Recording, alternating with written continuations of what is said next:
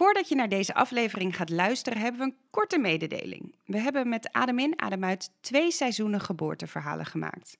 En waar Adem in, Adem uit stopt, gaat Mam Co verder met de Mam Co podcast. Boordevol geboorteverhalen en nog veel meer rondom zwangerschap, geboorte en het ouderschap.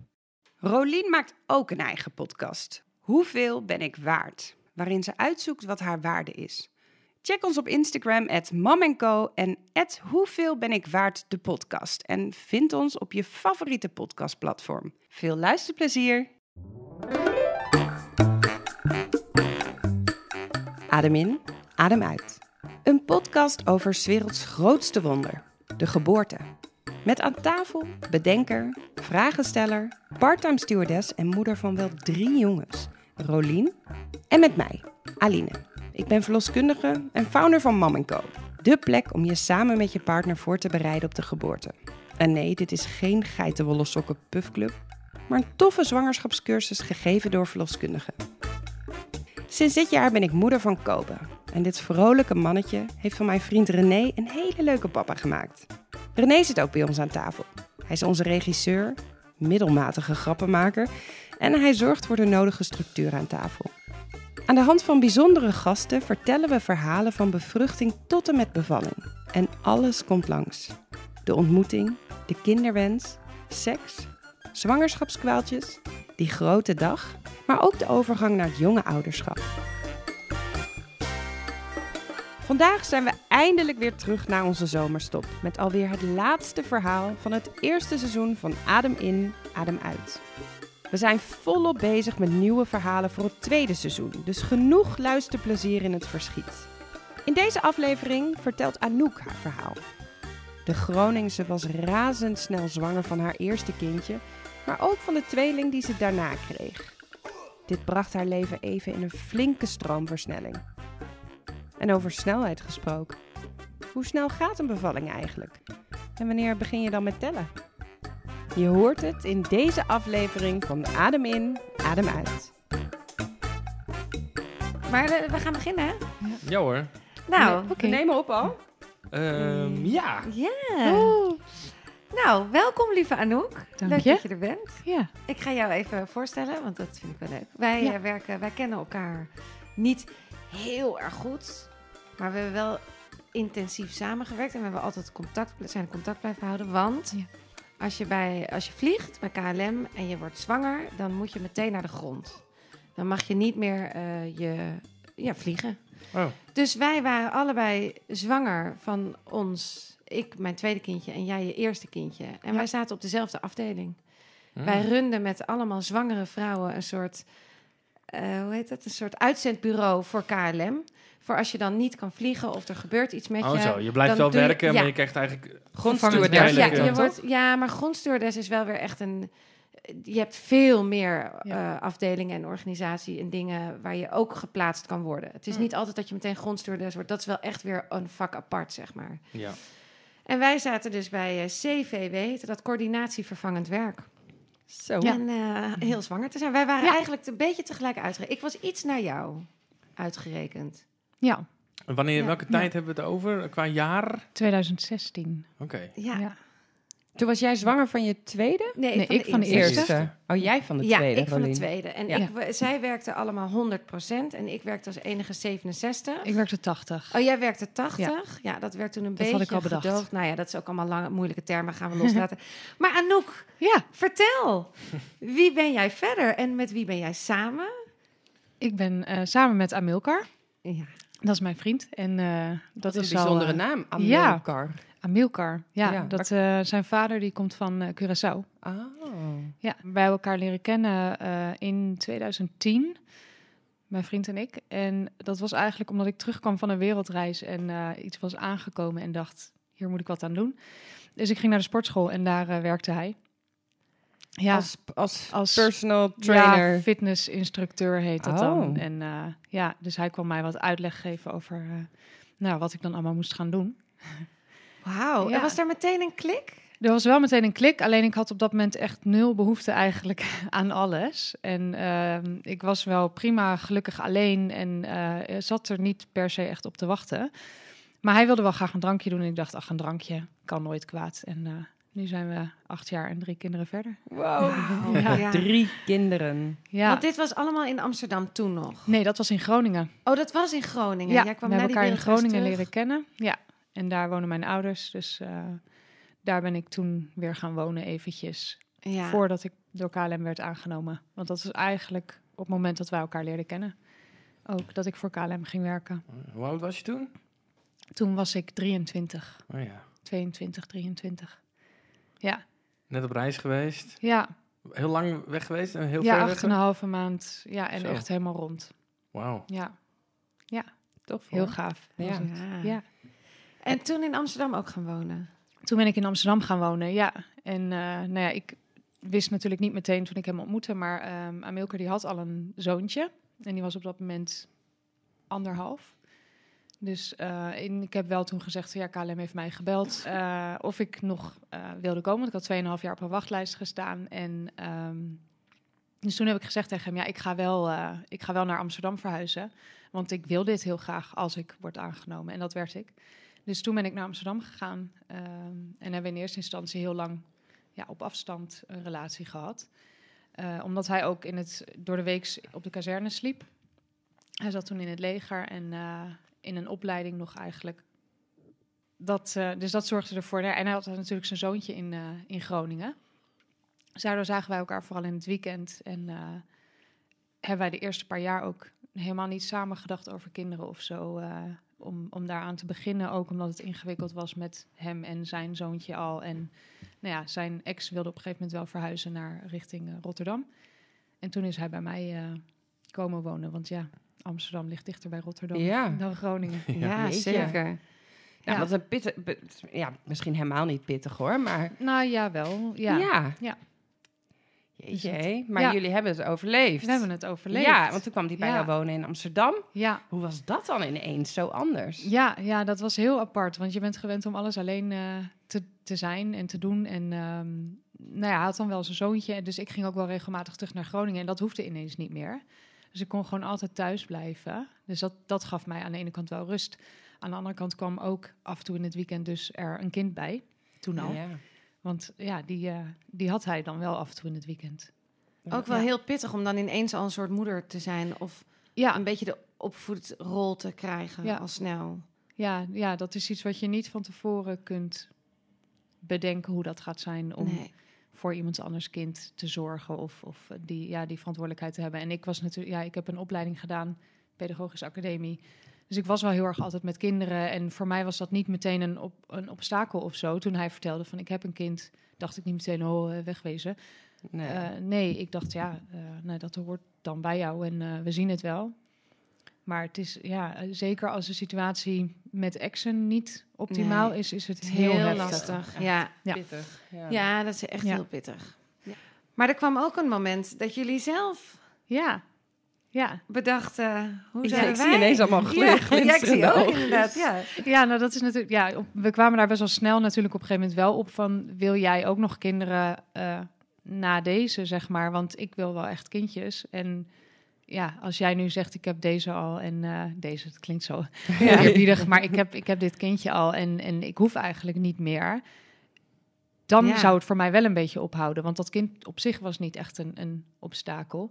Ehm, maar wel het feit dat hij misschien wel geen andere kinderen meer zou willen. Maar dat wilde hij wel. Dus dat was al vrij snel dat we het daar wel over gehad hadden. Alleen, ehm, ja, eigenlijk ook doordat de situatie daar niet ideaal was rondom hem en hij nog niet echt het gezag had en daar nog van alles heeft gespeeld, eh, heeft het best wel lang geduurd voordat wij samen wel echt serieus, of eigenlijk vooral ik, dacht: oké, ik wil er wel serieus over nadenken om nu met jouw kinderen, omdat anders mijn kinderen ook daarvan de, nou ja, Ja, te maken ja, zouden zijn. Ja, krijgen. zeker. Ja. Ja, want als er een kind in hun leven is en die gaat ineens weer eruit en dan weer erin en dan weer eruit, dat wilde ik niet. Dus ik zei, op het moment dat je dat goed geregeld hebt, dan, eh, nou, dan kunnen wij eh, over kindjes gaan nadenken. Ja. Dus eh, op die manier Aan hebben we dat slag. eigenlijk... Ja. eh, ja, voor het echi. Ja. Toen, eh, ja, dus dat, nou ja, ik denk, even kijken. Toen waren we ehm, in 2014, 15 denk ik, dat we het daar voor het eerst echt over hadden. Dus dat was alweer vier, vijf jaar verder. Nou, toen op een gegeven moment in 2016 dachten we, laten we het proberen. we weten ook niet hoe lang het duurt. Nee. En alles was geregeld rondom eh, Giuliano, zo heet hij. Eh, rondom Giuliano. Dus eh, toen zei ik, nou is goed. Ik, eh, ik had op dat moment een spiraaltje. Ik zei, ik ga wel naar de dokter. Ik haal hem eruit en eh, we zien het wel. Vond je het niet spannend, inderdaad? Dan Ja. ga je echt beginnen. Ja, ja, ook omdat ik vooral met vliegen om me heen heel veel hoorde. Ja, zoveel maanden. En Ja. eh, het duurt echt wel even voordat Ja. je zwanger bent. En, eh, dus ik dacht, ja, weet je, we zijn ook nog allebei heel veel weg. Hij was nog veel weg voor werk. Ik was natuurlijk Veel altijd. weg, ik ja. vloog 100% fulltime. Dus ik was ook gewoon veel weg. Maar eh, blijkbaar hebben we een goed moment gekozen. Want de eerstvolgende maand eh, zat ik op een gegeven moment met een test. En dacht Wat? ik, Meteen raak. Ja. Geen appje op je telefoon gehad. nee, niks. Nee, het was gewoon, ik schrok, er, ik schrok daar een beetje van. Ja, Ja, want je Ja, denkt dan... We. Ja, we kennen inmiddels die verhalen van dat moet dan Ja. ontwennen en hormonen Ja. die eruit moeten. En, Ja. En überhaupt, als je besluit kinderen te nemen, is het natuurlijk een heel abstract idee altijd, omdat je helemaal niet weet eh, wanneer het dan ja. er is. nee. Of überhaupt waar je voor kiest. Ja. ja. En of het überhaupt lukt. Want dat Ja. zeiden mensen ook. Wanneer nemen jullie dan kinderen? En dat vind ik altijd zo'n rare manier. Wanneer neem je een kind? Je neemt Ja. een kind niet, want het kan ook gewoon niet kunnen. Ja, niet lukken. je En- krijgt een kind. Ja. Precies, en Ja. maar dat wist ik niet. Want ik, zei, dat zei, ik grapte dat ik, zei, het heeft altijd op slot gezeten bij Ja. mij. Dit is de eerste keer dat ik het zeg maar Ja. nou ja, ga toelaten dat het wel kan. Maar dat is heel, ja, dat is heel raar. Het Nee. is gewoon, het is, je kan er geen kalender naast leggen en Nee. zeggen, nou, doe mij de 21ste maar. Nee. Nee. Nee, ik- dat is hetzelfde als dat, dat je altijd in, in, in je hoofd... op, ophalen bij een van de winkels? Of, Ja. Of wilt u hem thuis bezorgen? Ja. Nou ja, of dat je ook altijd zegt, nou, ik wil het liefst niet rond kerst, hoor. Of eh, nee, niet ehm, in de zomervakantie. Vind ik altijd Ja. zo vervelend. Ja, Ja. leuk plannen. Ja. Succes. gaat helemaal Nee, nergens ja. over. Nee, maar dat, het- je weet Nee, want ik had allemaal bedacht, dat ik, oh, nou, dan ga ik nog wat leuke vluchten aanvragen. Ja. Maar die heb ik nooit meer gedaan. Nee. Dat, nee. Maar je, Oké. je, je had er geen rekening mee gehouden dat het zo snel eh, zou gebeuren. nou, haast niet, nee. Ja, Ik wist, natuurlijk wist ik dat het kon, maar alles wat ik om me heen hoorde en met hoe weinig wij Ja. elkaar eigenlijk zagen, dacht ik, ja, de, de kans dat dat gebeurt is zo klein. Ja, ik had ook, ik had nog niet eens echt een cyclus natuurlijk. Ik, dat, ja, dat ding was eruit en al Ja. die tijd was er niks geweest. En eh, ja, ik denk ook dat hoe je er zelf in staat Ja. op dat Ja. moment. Ja. Want natuurlijk was ik blij, alleen ik, nou ja, ik had het idee wel dat hij eerder ook zelfs nog blij was dan ik kon het een soort van nog niet helemaal bevatten of zo. Want ik stond ook echt met die test in mijn handen en dat was op het moment dat Kiliano ook bij ons was. Dus ik stond een beetje stiekem vanuit de keuken zo met die test zo naar hem te zwaaien en hij zat alleen maar zo te knikken naar mij van Ja. ja. Dus ik knikte terug en hij moest lachen en ik stond echt zo. eh, Ja, Oké. het- ja, heel, Ja. ja. ja. Ik ga er morgen denk ik nog maar eentje doen ja. of zo. ja, Ja. ja, ja, Heel, Ja. heel spannend. ja. Ineens, ja en hij wat je zegt, inderdaad, je weet tot het moment zover is, weet je ook eigenlijk helemaal niet waar je nou echt aan begint. Nee. Ja, eh, Nee. behalve het feit dat je in je hoofd hebt ook wil graag moeder worden. En hoe vond hij het? Dus hij vond het meteen... Ja, hij was happy. Ja, hij was blij. Ja, ik denk ook, het zit niet natuurlijk, kan ik niet voor mannen bepalen, maar het zit natuurlijk niet in jouw lijf. En voor mij was dat wel dat ik meteen dacht, oké, dit- ik moet nu hiervoor gaan zorgen en eh, ik kan bepaalde dingen niet meer doen. Ik moet hier wel echt rekening mee gaan houden. En had je iets Dat van foliumzuur of zo eh, geslikt? Nee, dat dus ook nog niet. Want ik was alleen maar dat ik dacht, nou, we gaan het wel zien wanneer het komt. En dan, eh, dan moet ik inderdaad van die pilletjes gaan nemen, dacht ik. En dat, ik, zover was ik eigenlijk Nee. nog niet eens. Dat was heel erg, ja, dat, dus ik kwam bij de dokter. Ik zei, ja, ik, of verloskundige. De dokter of de verloskundige. Volgens mij heb ik zelfs gewoon meteen de verloskundige. Ze zei, slik je foliumzuur. Ja. En toen dacht ik, oh, nee. Eh, oh ja, dat moet ik wel gaan doen. ja, en, en ja, het beste was eigenlijk al van tevoren. Toen dacht ik, oh god. Ja, maar daar hoef je, fout. hoef je je niet schuldig over te voelen hoor. Maar het is wel goed om met foliumzuur te beginnen al vanaf de kinderwens. Ja, Dus als je het idee hebt van, hé, hey, ik, wil, ik wil een baby of wij willen een baby, dan kun je al starten met foliumzuur. ja, En dat kun je eh, bij de kruidvat halen of je kunt hele eh, biologisch super goede, weet ik veel wat halen. maar dat mag Ja. je zelf weten Ja. natuurlijk. maar ehm, het helpt om eh, het sluiten van het ruggetje, eh, hel- daar helpt het bij. Eh, even hierop doorgaand, eh verloskundige. Nee hoor. Maar eh, moet je even- vitaminepillen en zo, is dat dan echt, is dat echt aan te raden om... Ja, daar zijn de meningen ook weer over verdeeld. Ik heb wel vitaminepillen geslikt, maar als je een heel mooi gevarieerd eh, voedingsschema hebt, dan heb je het in principe niet per se nodig. Ehm, het is wel goed om bijvoorbeeld extra vitamine D te nemen. Hè. Dat krijgen we minder hier in Nederland. dus zometeen voor de baby natuurlijk ook. Hm. Ehm, maar ja, dat is de, ja, als je heel gevarieerd eet, hoeft het in principe niet. Maar ja, ik deed wel, Ja, want ik had vooral chocoladetaart. ook heel erg lekker. Maar Ja. misschien niet zoveel Maar vitamines. de ene keer haalde ik dat bij Barbotaniek en de andere keer bij Hartje Oost. Dus het was Heel gevarieerd. Heel gevarieerd, ja. Soms een cheesecake, even wat anders. ja, heerlijk. Er staat dan fruit bovenop, dus dat is Ja, top. daarom staat er vitamine C in. Nee. Ik had toch mijn vitaminepillen al gehad. Ja, zo werkt het dus niet. Daar word je dik van, jongens. Ja. Niet doen. nee en, als iedereen wij- tegen je zegt, oh, eet maar lekker. Nee. Nee, niet lekker tip. doen. Want je gaat echt soort van denken, oh ja, ik mag nu alles, ik ben zwanger. Niet doen. Dus heb je daar nu spijt van? Ja, het gaat er niet uit. Af. Het gaat er niet af. Ik doe ook niet echt heel mijn best. nee, ik wou net zeggen. Ik Oh, wou net zeggen. Maar we gaan terug, we gaan terug weer naar het verhaal. Hè? Want eh, we hadden het over dat Amiel, Amilcar... Am, Amilcar. Amilcar, maar ik, vind dat, ik blijf dat een moeilijke naam vinden. Ja. Dat toch een Dat hele... vinden, vinden heel veel mensen. Ja. De eerste paar keer dat ik zeg, hoe heet je vriend? Dan ja, Amilcar. Hoe? Amilcar. Nog Ah, een keer. Ja. Ja. Ging, hij, ging hij mee naar de verloskundige? Ja, want eh, ik, was, eh, ik had vakantie op dat moment. Dus ik ben ook niet meteen toen bij CVW terecht. eh, dat, is, dat is die afdeling van KLM. Terechtgekomen. Eh, want ik had eerst nog die vakantie. Dus ik dacht, oh, ik meld het wel dan. Ja, Als tuurlijk. ik klaar ben. Ja. En eh, dan, Ja. ja. dan ga ik dan wel vervangend werk doen. Dus eh, ja, dus we, nou ja, met tien weken, elf weken zat ik voor het eerst eh, Op echt bij de kantoor. verloskundige. Oh, en ja, daarna ja. op kantoor, ja. Dus Ja. ja, ja en meteen eh Hartje. kloppend hartje. En eh, ja, En voelde je je ook meteen best wel zwanger? nee, eigenlijk, nee, tot dat moment had ik ook helemaal niet... Ja, ik was wel een paar keer een beetje misselijk geweest. Dat, maar verder, eh, nee, mijn borsten... Dat was eigenlijk het enige wat ik echt... eh, Je doet een beetje met Ervaren. je handen voor je borsten. Alsof Ja, ze die werden gespannen, groot. ja, gespannen. ja, Ja. ja. Dat, eh, dat, Voelt dat dan echt anders? Ik kan me dat niet meer herinneren, maar voelde je borsten anders inderdaad? Ja, Of ik paste ook geen BH's Of- oh, meer. nee. Ik moest echt gaan winkelen. Ja, nee, het ging ja, alle kanten op, maar niet in de BH. Maar wat is dat dan als, eh, als, als, nou, misschien klinkt dat heel gek. Ik wou zeggen als borstenliefhebber. maar is dat dan dat er gewoon meer vocht in die klieren zit of zo? Of Melk, is dat, is eh. dat melk? Of, ja, je, eh, je lichaam gaat zich voorbereiden op, eh, op dat er zometeen borstvoeding moet gaan komen. Dus inderdaad, door de hormonen wordt dat, vult dat zich. En dat is eerst gewoon vocht. En die klieren die gaan zich ontwikkelen. Hè? Want dat is, als je niet zwanger bent, is dat allemaal nog niet op die manier ontwikkeld. Eh, en dan pas als je zometeen, als de baby geboren is, daarna ga je pas echt ehm, die melkproductie op gang brengen. En daarvoor heb je wel wat melk. Dat is dan in het begin heet dat colostrum na Oh de ja. bevalling. Dat moet jij weten, want jij Ja. gaat mee naar een borstvoedingscursus. Ja, zeker. ja Zo. Het, het, ge- hoe noemen we het, het goud of zoiets? Wat was het nou voor Nou, het is ook wel echt echt goud, hoor. Ja. Ja.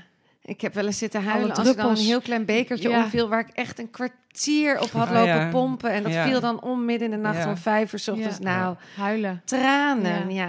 Oh, Ja. ik ben nog een keer boos op jou geworden. Weet je dat nog, René? Oh. Ja, ik kan me wel een paar keer herinneren.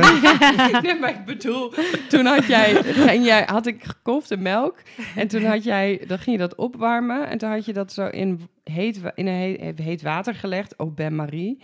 En toen was het allemaal eruit gelopen. Dus dat je die deksel er niet goed op of zo. Of hij had gelekt. Het was dat hele. En toen, en toen gaf je dat aan Kobe, echt zo'n.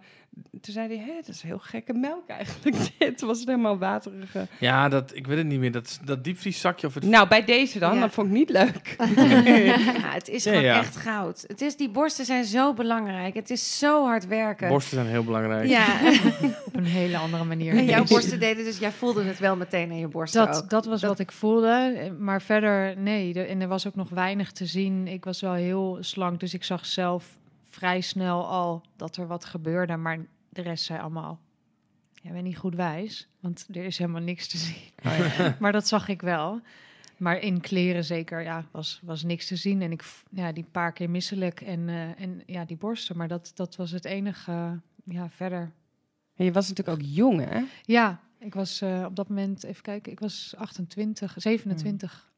Nou, betekent niet dat als je jong bent dat je dan standaard minder klachten hebt. Maar nou ja, je ziet wel als je fit bent en jong bent, dat je dan nou, misschien toch wel iets makkelijker er doorheen kan gaan. Ja, Ja, nou, ik was, en ik was heel fit, dat Ja. weet jij. eh. Ja. Dus dat was, dat was denk ik wel ook een voordeel voor Ja. daarna ook weer. Zeker. Ja. Ja. Was je, Want- was je sportief? Ja, Wat deed je? Haar, haar, haar vriend is sportinstructeur. Ja, nee, maar Zo ik kennen ze elkaar. nou, ik Sorry. deed... eh, dat ik de vraag stel. Sorry. Ik snap het wel, maar dat is een, een interviewvorm. Om dan, dan kan ze even iets over haarzelf vertellen. Oh, ja. Over wat voor sport ze bijvoorbeeld doet. Oh ja. Ja, nou, ik deed, eh, wat deed ik allemaal? Eh, op de route ging ik fitnessen, want dan hadden we vaak wel een sportschool. Maar thuis deed ik eh, heel veel kickboksen en ook hardlopen. En eh, ja, dus nou, en kickboksen is echt insane goed voor je hele lijf. Ja, Ja. dat geloof Ja. ik wel, ja. Noted. ja. ja, precies. En, eh, en toen jullie, eh, jij ging stoppen met vliegen op de grond. En je voelde je verder goed. In eerste instantie wel. Ja. Ja, ja. En de twee, hoe ging de 20 weken echo? allemaal goed. Ja, het ging allemaal heel goed eigenlijk. Ja, het was alles volgens het boekje. En eh, we wisten op een gegeven moment wat het zou worden. ja, al vrij hadden snel. we allemaal ook eh weddenschappen opgedaan Ja, op het kantoor. Ik weet niet wat er bij jou werd gestemd. Eigenlijk. Nee, weet ik eigenlijk ook niet zo goed. Maar ik weet wel dat de dag dat ik het zou horen, zeg maar, dat ik waarschijnlijk die of de volgende dag een mailtje zou krijgen eh, met de uitslag van een NIPT. Ehm, dat eh, een van onze collega's aan mij vroeg: wat denk je zelf? En mijn vriend die riep alleen maar jongens, jongens, jongens, jongens. Ja, eh, mannen, mannen. En hij had al een zoon natuurlijk. Dus ja. het werd een jongen. En op dat moment dacht ik, nou ja, ik denk dat het een meisje wordt. Ik weet ook helemaal niet waarom ik dat dacht, maar dat dacht ik. En toen kregen we die uitslag en toen was het inderdaad eh, een meisje. Ja, Ging natuurlijk ook janken. ja, Oh. ja, Er werd alleen maar gehuild op dat kantoor. Ja, ja, er werd alleen maar gehuild. Dat is Iedere zeker dag. waar. Ja. Ja. Ja. Nou ja, en het was ook wel, hè, tenminste, eh, wij deden dan de afdeling zwanger. En je moest ook bijvoorbeeld miskramen verwerken. was soms in heel het systeem. verdrietig. En, ja. ja. en, en zeker, nou ja, ik begon daar, ik was twaalf weken zwanger. ja. En ik had nog nooit eerder een kindje gehad. En ik had geen twintig weken echo gehad. Ik had, dus je weet helemaal niet hoe het bij jou gaat zijn. En dan krijg je allemaal mensen binnen die jij net hebt gesproken. Van je gaat vervangend werk doen, blij, blij, zwanger, Gefeliciteerd, ja. Oh, En die belt jullie ook en- doen. Nou, Ja, ze hebben zich dan aangemeld en wij gaan ze dan plaatsen. Maar heel vaak belden ze daarna na een paar weken weer terug of na een week van het is niet goed gegaan. Hmm. Je hebt best wel een kort lijntje met die mensen. ja, ja. Dus, dat, dus, en het is natuurlijk, zijn ook collega's. Dus je, ja, daar kun je best wel een beetje van schrikken. Sommige verhalen kwamen heel hard binnen. We hebben ook meegemaakt dat een collega van ons echt een best wel veel te vroeg kindje heeft gekregen. Ja, dat zijn gewoon. Het is natuurlijk altijd op elk kantoor, waar ook al zit je bij uh, waar dan ook. Uh, dan... Maar dan zit je misschien niet met acht vrouwen allemaal hormonaal in één Nee, hokje. dat scheelt misschien. Ja. En wat gebeurde er na die 20 weken echo met jou? Um, nou, ik denk dat het ja, wel rond die 20 weken echo, Ja. na de 20 weken echo, dat ik op een gegeven moment pijn voelde. Bovenin, uh, boven in mijn buik bij mijn ribben, aan de rechterkant alleen. En um, nou, dat begon vrij mild met steken en dat kwam dan af en toe, maar dat ging ook wel weer weg. Alleen, ja, we zaten natuurlijk op een kantoor, wat ik helemaal niet gewend was. Dus de hele dag op een bureaustoel achter een computer in dezelfde houding. En dat werd eigenlijk steeds erger en meer en langer en, en nou ja, intensere pijn. En um, totdat het op een gegeven moment ook niet meer wegging. En toen ben ik naar de huisarts gegaan. Eerst, eerst heb ik nog de verloskundige gebeld, omdat de rest allemaal zei... je moet nu wel echt bellen, want straks, uh, je moet wel echt bellen. Ja. Dus dat heb ik toen braaf gedaan. En uh, ze zei, ja, je mag wel hartje komen luisteren, maar op een of andere manier voelde ik dat het niks met haar te maken had. Uh, want zij was nog even druk als altijd en alles voelde daar nog gewoon hetzelfde. Het was echt mijn pijn, zeg maar. Het zat ook nou ja, net boven die buik eigenlijk een beetje. Dus ben ik naar de huisarts gegaan en daar verteld waar ik last van had. En uh, die zei, ja, waarschijnlijk is er een zenuw bekneld geraakt op het moment dat dat allemaal verweekt en nou ja, een beetje verschuift. Dan kan het zijn dat er dus een zenuw uh, klem komt te zitten ergens. En ja, succes ermee. Dat was eigenlijk ja. de boodschap. Je moet nog uh, drie maanden. ja. Is er geen oplossing in principe? Nee. nee, ik ben naar de fysio geweest. Uh, wat heb ik nog meer gedaan? Maar was het niet ook heel veel pijn op je huid? Ja, dat zat inderdaad op mijn huid. Het was bij mijn ribben op mijn huid. Dus als Ja. ik er overheen ging, ook kleding erop, Oh. mijn, eh, Oh. mijn vinger eroverheen. Alles wat je aanraakt voelt alsof er een soort van duizend naaltjes. Oh, dus het was Worden het begon klein, een klein beetje, maar het Ja. werd wel zo intens dat je daar echt heel veel last van had. Ja. Ja, Weet je? Ja. En dat is, he- heeft aangehouden tot de bevalling. ja, Of na de bevalling. in één keer weg. Ja. Ja. Ja, Gek, Ja. hè? Nou, Dat soort echt hè? dingetjes Heb die je wel hoor. Heb je Ja, wel. je huid, je huid Ja. is ook heel gevoelig natuurlijk. Je hebt het ook met van die jeukende benen. Hebben jullie dat gehad? Dat je s'nachts wakker wordt en dan... Restless oh, legs. Ja, restless Ja. legs ook. Nee, maar ja. ik had dat niet s'nachts, maar ik heb dat van mezelf al. Maar ik had het echt, nou ja, dat ik om half negen of zo s'avonds echt wel naar bed moest. Omdat je gewoon je benen niet meer stil kan houden. Die moeten bewegen. Ja. Niks is meer fijn. Dan kun je het beste gewoon gaan slapen. Ja, ja. Ja, of nou, eigenlijk kun je veel beter nog koude douche, warme douche, zulke soort dingen erop doen. Massage, Magnesium? magnesium, dat is heel goed. Ja, daar heb ik nog een zakje van thuis trouwens Ah. gekregen daarvoor. Ook. Ja. ja maar of mas ja, massage was ook heel fijn. Nee, dit wou je niet masseren. Zo'n eh, zo'n Nee, ik wou niemand plekje, dat, dat niemand eraan zat. Nee, en ik kon, kon er dus ook niks mee, want je mag eigenlijk niks natuurlijk. Je mag bijna niks eh, nemen tegen Nee. pijn. Dus ja, en een paracetamolletje deed niks. Dus eh, Nee. ja, dus dat was... eh, de laatste periode was niet, niet heel prettig, maar het was ook niet zo dat ik er niks meer door kon of zo. Het was, ja, ik heb toen gewoon denk ik een knop omgezet van oké, dit is in ieder geval totdat zij er is, eh, gaat dit zo zijn en ik ga maar door met wat ik doe, want het maakte ook niet uit of ik nou zat, eh, lag of stond. Eigenlijk ja. was het enige wat mij zou helpen was dat ik om de beurt kon liggen, zitten, staan, liggen, zitten, staan, Ja. eh, om het een beetje te ontlasten. Maar ja, dat kon op kantoor niet. Dus Nee. uiteindelijk ben ik nou, vier dagen voor het einde, geloof ik, eh, min of meer naar huis gestuurd. ja. Jeetje. Van Het is, het is te veel, het is klaar. Ja. En ik had alleen nog maar pijn. Ja, en dat, Vier eh, dagen voor je verlof, zeg maar. eh, Ja, Nou, wat knap zeg. Wat ben je een Ja. bikkel. Maar ook Ja. helemaal wat je zegt van die knop om. Dat vind ik best wel heel knap. En dat kan echt niet iedereen, maar het werkt wel. ja, Als je gewoon denkt, ja, dit is Dit het is gewoon. In plaats van vechten tegen wat er is, is het soms gewoon fijn om gewoon te accepteren wat er Ja. is. En hoe gingen jij en Amilcar zich voorbereiden op de geboorte? Ja eh, nou eigenlijk eh, was mijn idee een beetje... eh, we doen dit al duizend jaar met z'n allen. Dat moet ik ook kunnen. Dus ik had niet extreem veel zoals een van de collega's op kantoor... die alle boeken had gelezen. En die wist mij altijd precies te vertellen wat ik had... als ik dan ergens mee zat. Had ze ook een antwoord op, de, op het zenuwverhaal? Nee, niet? daar had ze Nee. geen antwoord op. Maar wel dat ik, nou, ik weet niet of dit te expliciet is, maar dat ik op een gegeven moment op mijn tepels af van alles zag. Dat ik dacht, wat is dit? En dat zij dus van alles wist te vertellen. Oh ja, dat is dan al melk en dit en dat. En dat ik echt dacht, oh, Wauw. Lord, wat weet jij veel. Want Ja. zij was veel minder ver zwanger dan ik. Ja. Maar ze wist alles. Eh, dus zo was ik niet. Maar ik dacht wel op een gegeven moment, nou, ik wil wel iets doen. Ik wil wel, wel iets van voorbereiding, want ja, het is wel de eerste keer. En eh, toen had ik steeds meer over hypnobirthing eh gehoord en gelezen. En toen dacht ik, nou, dat, dat spreekt me nogal aan. En eh, ik moest toen een dagje naar Haarlem. In Oh, ja. Haarlem was de, de, de cursus, zeg maar. Je Ja. krijgt er van tevoren een boekje. En dat heb ik allemaal gelezen en dingen geluisterd. En Ja. toen die dag daar ter plekke. En dat was ook prima voor mij. Eén dag vond ik, vond ik goed. Genoeg. Ja, Ja, één dag En was daarmee gewoon- is hij inderdaad ook meegegaan eh, Ja. Ja. om dat samen te doen. Leuk. Ja, ja, dat vond ik wel heel interessant die dag. Ja. Wat hadden jullie samen besproken hoe jullie de geboorte wouden, het liefste? Nou, daar ben ik toen inderdaad tegen het einde een beetje over gaan nadenken wat ik, wat ik dan wilde. En ik ben ook wel eh, naar zo'n officiële ehm, rondleiding in het ziekenhuis en zo geweest. Daar is het iets plastischer, uitleg van wat er dan daadwerkelijk gebeurt met je lijf.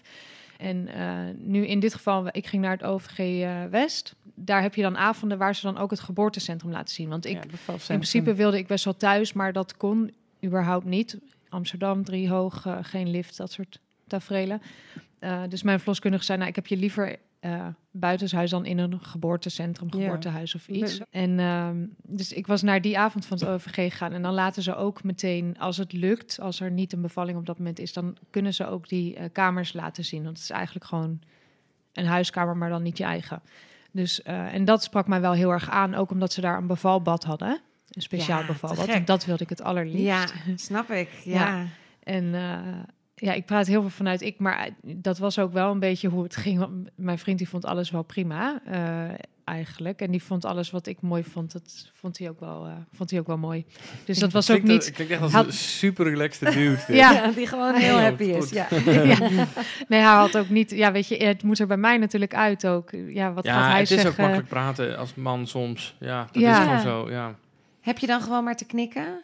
Een beetje? Heb je daar eigenlijk wel een mening over? Dat Nou, heel sterk. Ik denk de ene man dat eh, meer dan de ander, maar ehm, of wat een man denk ik snel heeft is, ja, ik vind het belangrijk wat jij hierbij voelt, dat, want jij moet dit doen, eh, Ja. dat het belangrijk is. Zeker een plek waar je gaat bevallen of zo.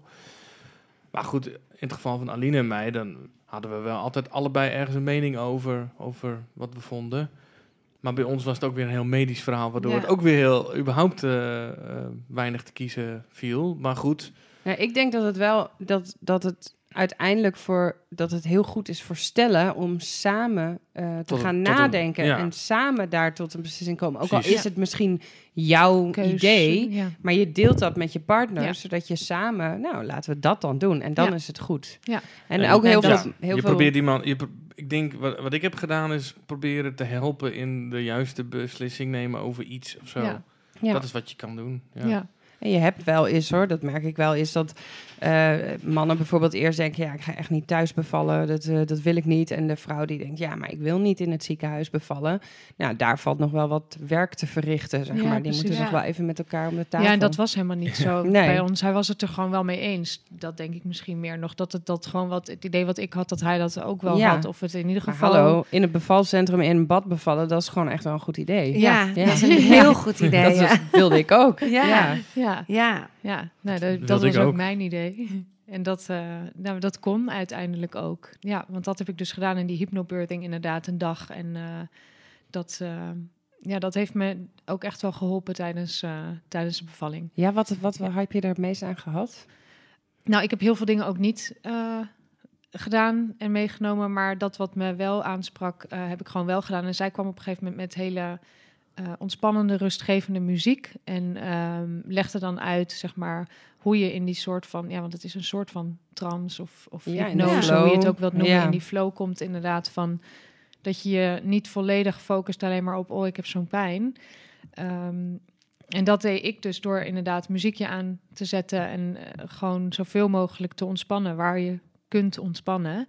En dan denken aan een, nou ja, aan een plek of iets ergens waar jij je prettig voelt. Ja. En dat, eh, ja.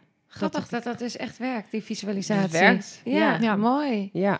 Maar ja, ook in jouw geval dus muziek, weet je. Dat, dat leidt af, dat Ja. ontspant je. Dus dat zorgt er ook voor dat je lichaam de juiste hormonen gaat aanmaken. Ja. Ja. En dan helemaal ook nog muziek die je tijdens de zwangerschap veel Hebt hebt geluisterd. Waardoor je dat koppelt aan een... Hè, dan ben je positief mee geconditioneerd, zoals Ja. we dat noemen.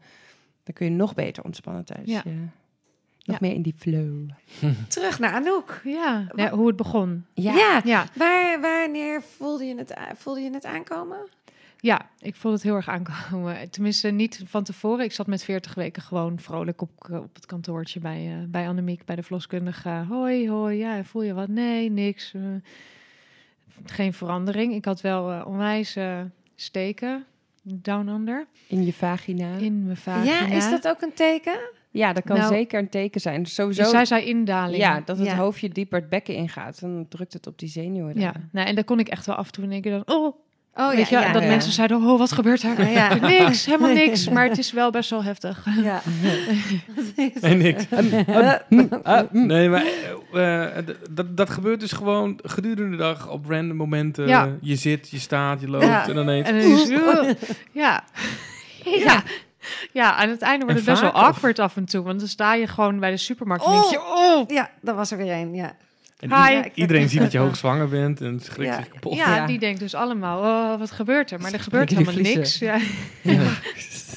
Dus ik probeer het ook in openbare ruimte een beetje. Ja. Of juist extra. extra. Oh, ja. Oh, dat was eng. Oh. Ik ben toch heel nou. benieuwd hoe mensen dan reageren, hoor. Bij de, Ja. bij, bij de appie in de Kunnen we dat één keer, als jij nog Oh. zwanger bent volgende keer... en dan dat ik naast je ga staan, dat je dat één keer Absoluut. doet. Ja, Gewoon, absoluut. Ik ben gewoon, en dan film ik dat. Ja, zeker. Ja, leuk. Ja. We gaan testjes doen. Vooral als de rest bent, filmen, hè? Pranks. Ja, Pranks. pranks. Gewoon mensen. Nou, maar ook Met, mensen met een glaasje water tussen je benen en dan... eh, Oh, ja, precies. Dat soort grapjes. Ja. ja, vind ik leuk. Maar jij had te steken. Ja, ik had steken en dat betekende niks. En ik zat leuk daar op een maandagmiddag. maar vanaf dat moment heb ik echt iedere dag tegen die buik, tegen dat meisje gezegd... kom maar, kom maar, kom maar, alsjeblieft. Kom gewoon zelf. Want ik wil zo min mogelijk gefrunnik aan mijn lijf. Dat was ook iets wat wij wel samen hadden besproken natuurlijk. Van, ja, wat, wat wil ik wel, wat wil ik niet? Maar dat, eh, nou ja, op dinsdagavond eh, voelde ik voor het eerst iets dat ik dacht... oeh, dit zou wel eens een week kunnen zijn. Maar dat was eentje.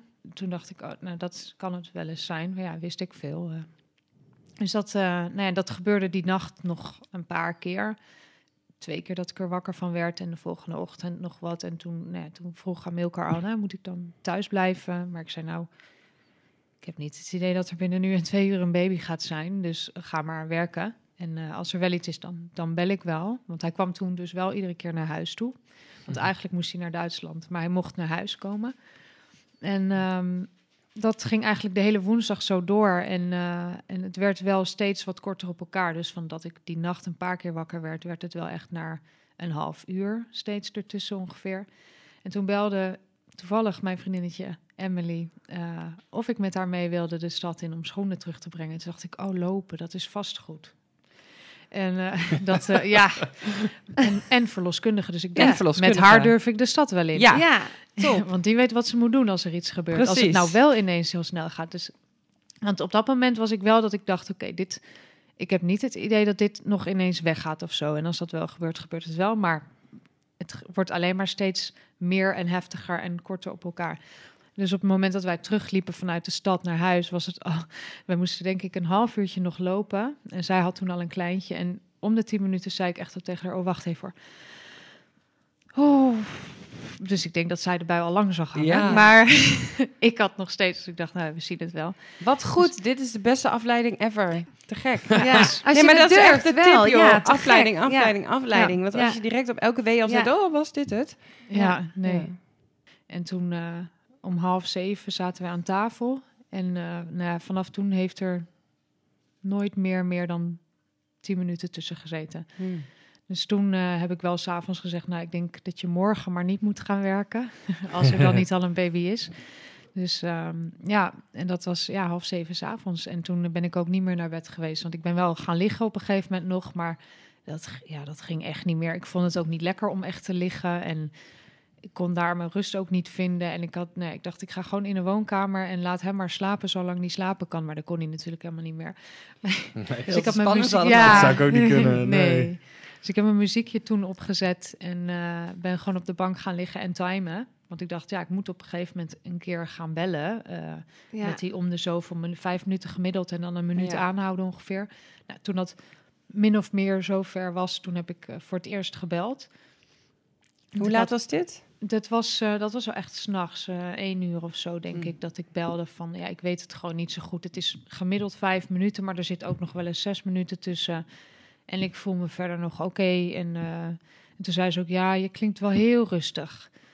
Zo, kijk, als het het beginfase is, dus die rustige fase, dan, dan ben je nog heel alert. En Ja. ook al, dan kun je nog makkelijk bellen Ja. en dan zeg je, oh, ik denk wel dat het, eh, hè, dat er is wel wat aan de hand. Ja. Ja. en dan denk ik, oh, super tof, maar Ga nog niet komen. ik ga nog even lekker slapen en bel me maar als het intenser wordt. En altijd dan realiseren mensen zich ook dat als ze de tweede keer bellen van, oh, ik zei, dit is wel anders. Ja, dit is heel anders. Ja. ja, inderdaad. Ik was inderdaad nog heel rustig. En het heeft sowieso nog heel lang geduurd. Want het duurde gewoon dus heel lang bij mij. Het begon dinsdagavond. Het was nu woensdagnacht. ja. Donderdag op donderdag. En er was nog niks. Nee. Niet echt. En weet je waarom, we- hoe wij dan dat tellen, zeg maar, als verloskundige? Ehm, waarom het zo lang duurde, is om de- als je gaat tellen al vanaf de eerste wee, ja, dan is je bevalling Heel inderdaad Ja, dat is niet 36, vol te 48 houden. uur. Ja. Maar eigenlijk op het moment dat jij belde met de verloskundige, dat jij wee had om de 5, 6 minuten, hoe lullig dat ook soms voelt, voor ons is dan de bevalling nog steeds niet echt Nee. begonnen. Nee. maar dat snap ik nu ook. Al, al, vo- Ja, al zijn- achteraf. zijn we, snappen wij wel dat het voor het wel voelt alsof het helemaal zo... zeker begonnen. Ja, Ja, zeg maar. Zeker, voor jou wel, ja. maar Precies, er was iets aan Ja. het gebeuren en Ja. die baarmoedermond is waarschijnlijk aan het verweken en Ja. misschien kwam er al wat ontsluiting, maar nog Ja. niet de bevalling bevalling. Nee. en Nee. dat is wel zo, ligt er echt aan wanneer begin je met tellen. Ja, dus zij, Oh, toen de eerste volgende keer dat ik belde, was het 's ochtends echt, echt, nou, dus ik denk zeven uur of zo al.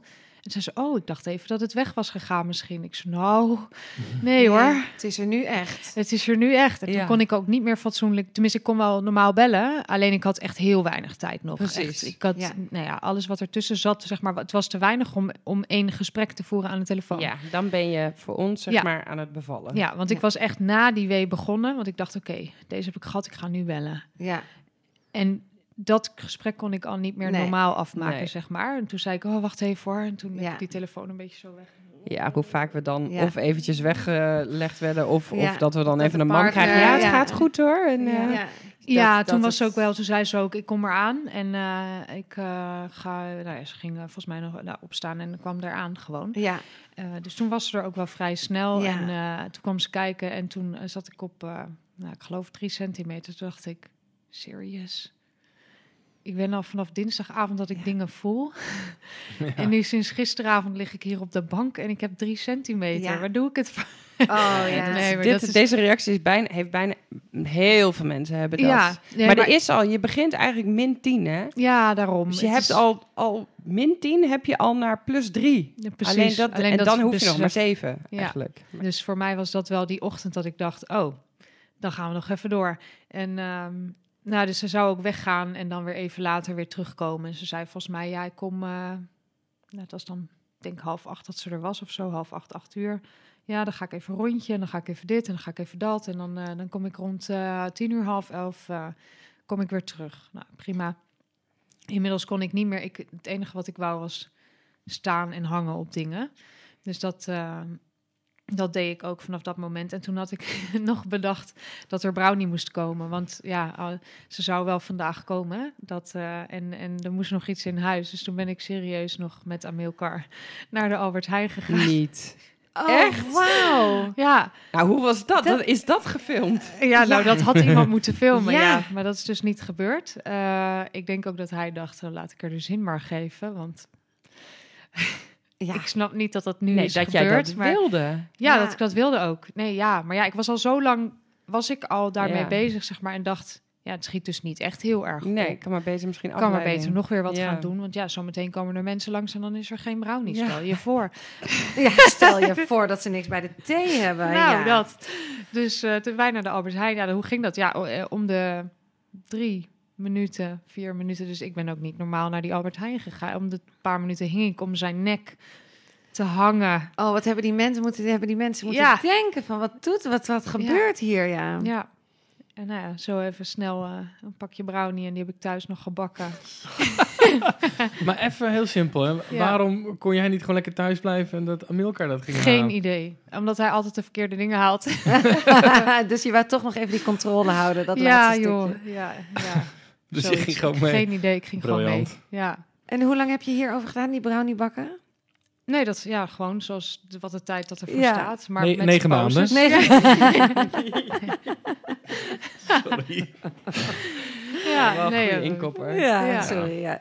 nee, maar toen kwam ze inderdaad ondertussen terug. Toen was het al tien uur geweest. En eh, vanaf dat moment werd het wel dat ze op een gegeven moment, om, volgens mij om drie uur 's middags, pas eigenlijk uiteindelijk zei ze: Nou, ik, eh, ik ga bellen naar het eh, geboortecentrum of het bevalbad vrij is. En eh, dan gaan we die kant gewoon rustig op. En dat, nou, toen was ik ook al, toen was ik alle besef van tijd al kwijt. Ik had niet door dat er nog echt heel veel qua tijd wat er gebeurde en zo. Dus we zijn daarheen gegaan, denk ik half vier of zo was het. En uit, ja, toen ging ik in bad en dat was voor mij wel heel fijn, want dat was wel dat ik toen echt weer, want het was toen wel echt heel heftig dat ik dacht, oh, waar moet ik mijn rust nog vinden überhaupt? En, Ja. en dat was in bad wel weer, kon ik dat wel weer eh, terug eh, pakken. En eh, Het warme water, hè, dat Heerlijk. ontspant gewoon heel erg. Ja, voor mij, ik vond het lekker. Ik, Ja. eh, ik, en ik ging ook alle kanten op en zitten en hangen en weer liggen en weer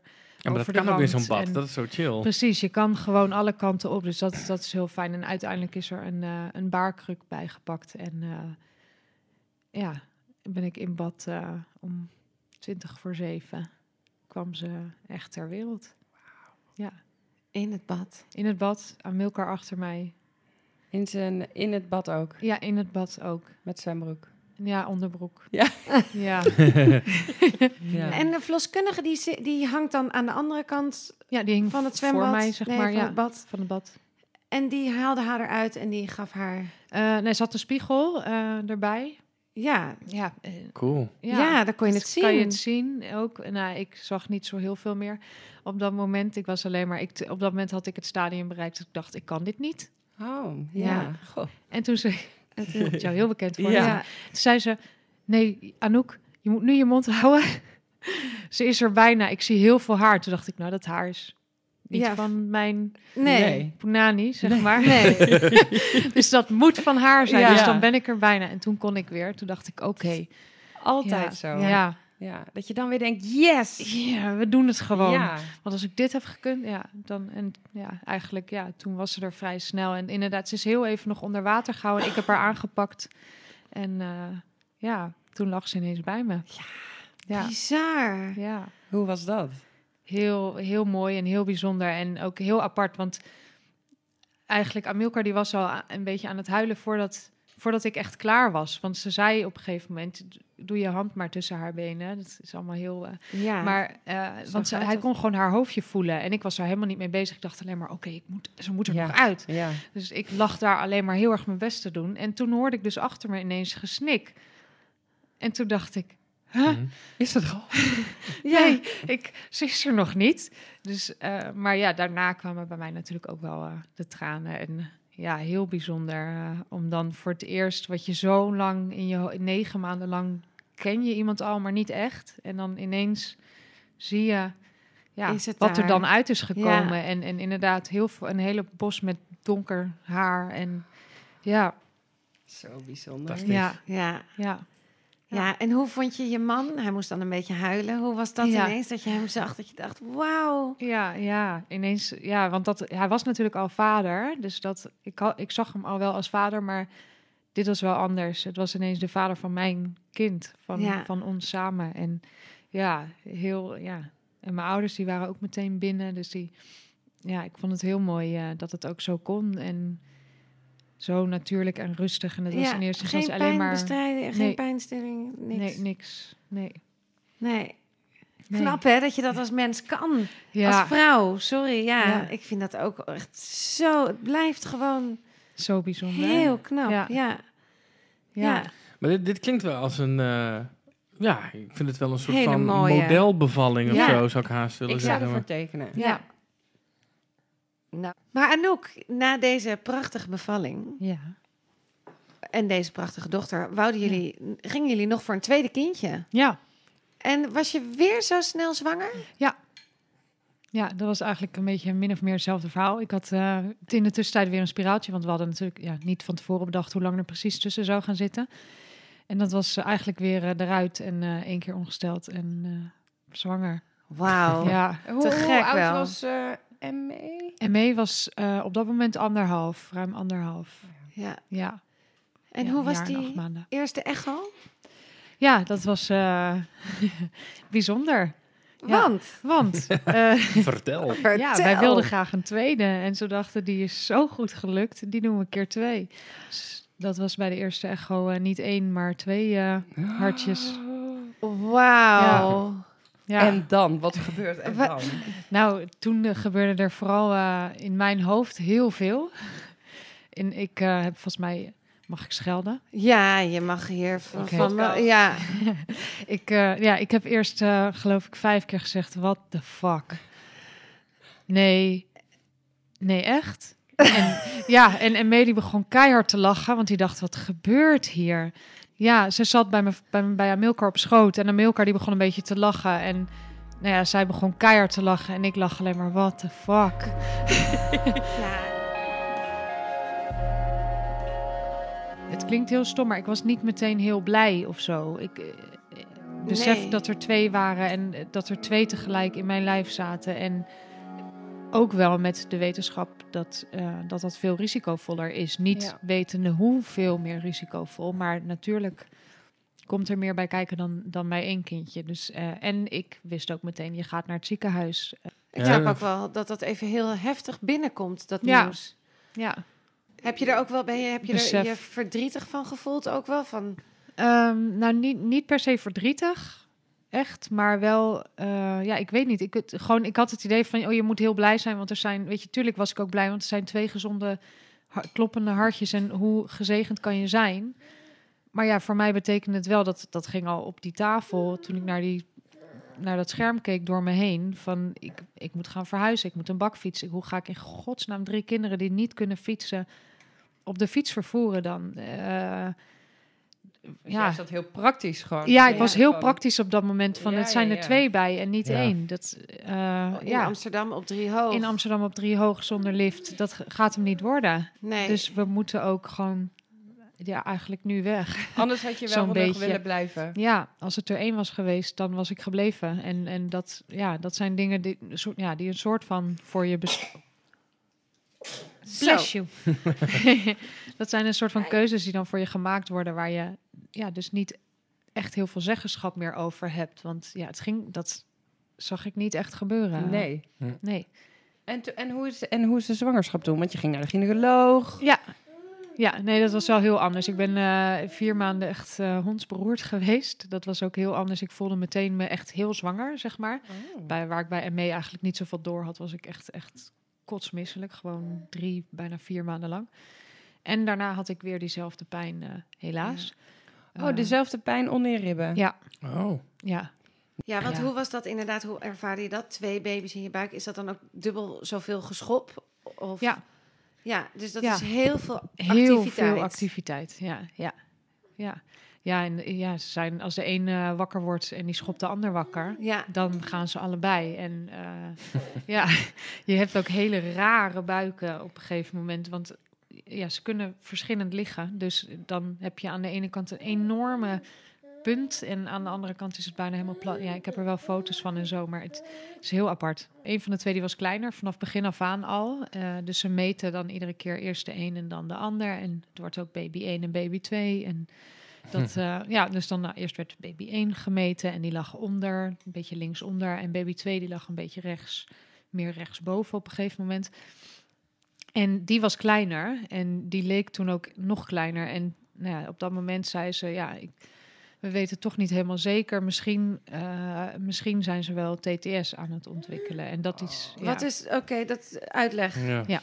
TTS is twin-to-twin syndrome. En eh, dat betekent dus dat de ene baby meer eh, voeding uit de placenta krijgt dan de ander. Eh, dus de ene gaat heel groot groeien en de ander gaat juist kleiner worden. Ze delen eigenlijk de placenta. En, en wat is er dan... Wat is er dan gevaarlijk aan? Of wat... Of, Ja, in het Nederlands is het met tweeling-transfusiesyndroom, dat ze het noemen. En dat, ja, dat is het gevaar inderdaad, dat er te veel naar de een gaat en te weinig naar de ander. En dat is eh, of een van twee of allebei het niet halen. Want dat veel zo, is niet toch goed. wel zo gevaarlijk. ja, Ja. te veel is ook niet goed. Nou, dat is best wel een spannende situatie Ja. hoor. Ben je toen naar Leiden gegaan? Nee, want het was het dus niet. Oh ja, Eh, maar dat is wel een moment dat je denkt, oh, weet je. Want Ja. natuurlijk op dat moment, als je weet dat er er twee zijn, dan natuurlijk wil je ze gewoon allebei gezond eh, ter wereld hebben. En wat jij vroeg, van dan ben je verdrietig geweest of zo, niet, niet zozeer verdrietig, maar eh, wel die shock, zeg maar. Dat, maar je zou er nooit over nadenken van, oh, zou ik er dan liever eentje willen of Nee, precies. Je dat kan ook zou niet, in mij opkomen om te bedenken Nee. van oh ik wil nou dan eentje niet of zo weet je want ze zijn er gewoon samen Ja. en dat is dus Ja, op dat, zijn, moment dat zijn onmogelijke dingen Ja. om echt Ja. daadwerkelijk iets mee te... nee dus Maar dat gaat dus wel allemaal door je hoofd. Ja. Van jeetje, dit is ik kan toch... nu één of twee of allebei kwijtraken ja. ja of ik moet naar Leiden want ze kunnen daar dus wel wat mee met dat TTS ze kunnen gaan laseren ehm, maar dat nou ja, was allemaal niet nodig bij mij gelukkig Dus, eh, Gelukkig, ja. Ja. Hoe ging de laatste periode? Ehm, ja, ik ben met eh 37,3 eh, zijn ze geboren. En ja, aan het einde eh, moest ik op een gegeven moment dus wel... Ik zat op het einde twee keer per week in het ziekenhuis. Ja, en dat is terwijl En je eigenlijk nauwelijks meer kan Ja. bewegen en al een dreumers. Want je had een hele grote buik ook. Ja, ik had een hele grote buik en alles was te veel. En En, en was het, is het dan gewoon omdat ze je vaak willen zien, vaak alles checken? nou, omdat en- ze, ja, één-eiig is toch echt wel risicovol. En, en Ja. ze maakten zich echt wel zorgen. En eigenlijk was het juist omdat ze zo druk waren dat het ook iedere keer heel lastig meten was. En dat had ik bij ME en dat had ik bij Ja. hun ook. Ze zijn bij mij gewoon zo druk in de buik. Ja. dat, dat het meten wordt heel moeilijk daardoor. En, en dat was eigenlijk het probleem. De eerste lag al zo diep, daar konden ze het hoofd al vrij snel nou, bijna niet meer goed Nee. opmeten. En de tweede, die was gewoon ook altijd maar bezig. Zodra er zo'n echo-apparaat op mijn buik kwam, dacht zij, yes, nou ga Ja. ik. Party. Ja. Party. Ja. ja. Ja, Ja. dus dat werd heel lastig. Dus nou ja, ze konden het dan niet zo goed. En werd ze nou wel groter, niet groter, zat ze echt heel ver onder die curve of niet. Nee, dat, ze wilde gewoon ja, aan het einde twee keer per week. Tot de laatste twee weken, toen zei ze, weet je... Als jij voelt dat zij bewegen en als jij je voelt zoals je het altijd voelt, dan eh het is goed. Want Ja. je zit hier ook maar twee keer per week helemaal naartoe met inderdaad ME. eh Ja. Bijna altijd mee. En het was gewoon best wel heftig. Dus eh, toen zijn we gaan praten over, nou ja, hoe dan verder? Hoe gaat dan je bevalling eruit zien? Want als ze niet komen, dan willen ze tweelingen die een placenta delen, toch echt wel met 37 weken hebben. Ja, want het is al ontzettend fijn dat dat gelukt Ja. is. Dat je de 37 hebt aan kunnen tikken. Ja, absoluut. Ja, want de een na de ander in mijn omgeving met tweelingen die ik ondertussen had leren kennen, eh, die bevielen vanaf week, nou eigenlijk al vanaf week 29, maar ja. vooral vanaf week 32, 33. Ja, en dan ga, je naar het, dan ga je op afspraak naar het ziekenhuis en dan, Ja. willen ze het, dan gaan ze het opwekken. Ja. ja, dat je daarheen gaat en dan gaan ze kijken of je überhaupt al iets van ontsluiting hebt. En dat, nou ja, had ik nauwelijks eigenlijk. Dus ik kreeg een ballonnetje en dat brengen ze dan in. Nou, dat kan jij misschien beter vertellen. volgens mij heb ik dat wel een keer eerder in een aflevering verteld. Maar. Ja. Ja, dus inleiden betekent met zo'n ballonkatheter dat een klein ballonnetje, slangetje in je baarmoedermond. En dan blaast er een ballonnetje zeg maar boven de baarmoedermond op. En die zet wat druk daarop, waardoor er hormonen vrijkomen. En door de druk ook ehm, de baarmoedermond ehm, open gaat. Open. Ja. Ja, want ik wilde ook alleen maar... Ik dacht, ze gaan nu komen. Dus ik was eigenlijk een soort van blij happy. Ja, Ik dacht alleen maar, yes, yes, yes. yes. ja, vanavond of morgen. Of, nou, ze zijn er binnenkort. En, en eh, ja, ik vond het, kijk, eh, leuk is het niet en lekker voelt het al helemaal niet. Maar ik vond het ook niet zo erg. Ik bedoel, Nee. ja, ik vind dat, ik vind dat toucheren vind ik überhaupt niet echt heel prettig. Eh, zeker niet op het moment dat je niet nog aan het bevallen bent. Dat vooral. Ja, ja. ja. En wat Dus gebeurde dat- er met dat ballonnetje in jou? nou dat, dat eh, werkte eigenlijk wel vrijwel meteen. Ehm, want nou, ik bleef in het ziekenhuis. Ik zou in het ziekenhuis blijven. En het kan zijn dat hij eruit valt op een gegeven moment, zeiden ze. Maar het kan ook zijn dat er niet zoveel gebeurt. Alleen ik voelde wel meteen, ik kwam ook weer aan een CTG, dus dat aan zo'n scan. En dat eh, zo'n filmpje. En dat, dat, daar zagen ze ook wel meteen nou de hartjes van die meiden. Maar ook wel dat er inderdaad al meteen wel wat gebeurde. Dat ik eigenlijk een soort van weeactiviteit kreeg. En dat voelde ik ook wel. Maar niks niet heftig. Dus ik dacht, nou, dit is niet zeg maar dat ik ineens zo meteen 7 centimeter ontsluiting heb of zo. Maar ik had echt nog vrijwel niks. Dus, dus het moest echt wel van, van nul zeg maar komen. Dus nou, die nacht voelde ik ook wel af en toe wat gebeuren. En eh, ik heb daar wel nog, nou, nog wel wat geslapen. En eh, dan gingen ze de volgende ochtend kijken wat, wat dat Ja, dan gedaan het- had. Ja. ja, die ochtend gingen ze kijken eh, naar ontsluiting. En eh, dat was genoeg eh, om vliezen te breken toen. Ja, oh wauw. Ja. Dus is- er was echt best wel wat gebeurd die nacht. Ja. Dan ga je een infuus, neem ik aan, of zo. Nou ja, daar had ik dus over gelezen eh, dat ze dan vaak... eh nee, je gaat inderdaad eh weeopwekkers, infuus met weeopwekkers. Ik zei, nou, ik wil eigenlijk niet meteen weeopwekkers. Nee. Want ik wil eerst kijken of er zelf wat gebeurt voordat dat wordt gedaan. Want straks is het dubbelop of zo. Ja, Ja. Weet, voor zover ik dat kan inschatten. Maar dat wilde ik niet eigenlijk. En dat had ik ook aangegeven. En ze zei, nou, je mag een uur... Infuus gaan ze sowieso leggen. Want als, als je uiteindelijk wel naar de operatiekamer moet... dan hebben ze niet nog dat ze dan Tijd, nog een nee. infuus... Nee, dat is te weinig Ja. tijd. Dat, dus je moet een injectie... en daar komt dan gewoon zoutoplossing zeg Ja. maar in. dus dat was in eerste instantie bij mij gedaan. Dus je krijgt inderdaad een infuus. Ik kreeg geen weeopwekkers. Ik kreeg gewoon alleen dat infuus eh, aangebracht. Ja, En, eh, en aan CTG weer om te kijken hoe het met de hartjes en alles ging. En ehm, nou, toen was het kwart voor negen 's ochtends, eh, ging ze mijn vliezen breken. En eh, toen dacht zij, nou, ik ga nog even weg. Ik ga nog naar de volgende, of weet ik veel wat ze allemaal ging doen eigenlijk. Dus eh, en ik was in die kamer en ik zei, ja, ik moet wel, ik moet wel echt nog even plassen. Ik moet heel nodig plassen. Nou, maar dat, nou, ik met dat infuus en Amilcar dus mee naar de wc. Want die moest met dat, met dat trolletje, weet je wat je dan meekrijgt, naar het toilet.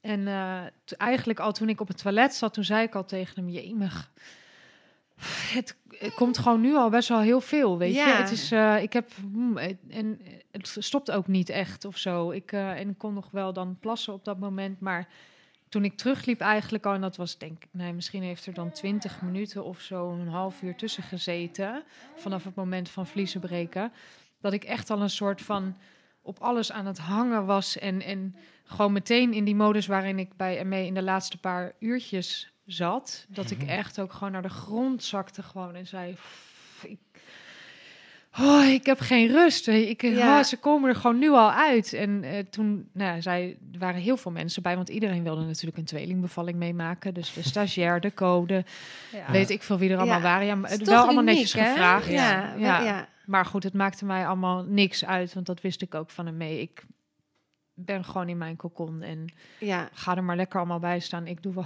wat ik Ja. moet doen. heel goed. Maar de gynaecoloog die werd wel eh, teruggehaald op dat moment. En ik denk dat het toen kwart voor tien was misschien of zo, half tien, kwart voor tien. En zij kwam binnen en zei, oh, oh. dit, ik denk niet dat zij helemaal verwacht had dat het zo snel allemaal zou gaan. nee, na de En, breek eh, van die vliezen. Ja, want zij kwam echt een beetje binnen van, oh jeetje, eh, oh. Ja, je, nou, je ziet er wel uit eh, alsof het... eh, ik zei, ja, ik heb ook het idee dat ze zo gaan komen ongeveer. Dus ik weet niet hoe lang ik dit nog kan tegenhouden. En toen zei ze, nou dan wil ik je toch op bed hebben. Nou, dat was mijn grootste nachtmerrie. Maar goed, ik wist natuurlijk al lang dat dat zou gaan gebeuren. Dus Want dat, doet, dat is bij jou pijnlijk. ja, liggen vond ik afschuwelijk bij Ja. ME. Echt eh, afschuwelijk. Ik moest op een gegeven moment liggen omdat eh, bij ME dan, eh, omdat mijn verloskundige toen wilde toch weer gaan voelen, toucheren hoeveel, hoe ver Ja. ik was op dat moment. En dat vond ik echt de hel. Ja, Dat ik niet kon bewegen Nee. en niet kon staan of zitten, hurken of iets anders dan liggen. Dus Ja. nee, dat vond ik verschrikkelijk. Maar goed, ze hadden wel helemaal de achterkant van het bed omhoog gedaan, zodat ik toch een soort van Z- ja zat. zat.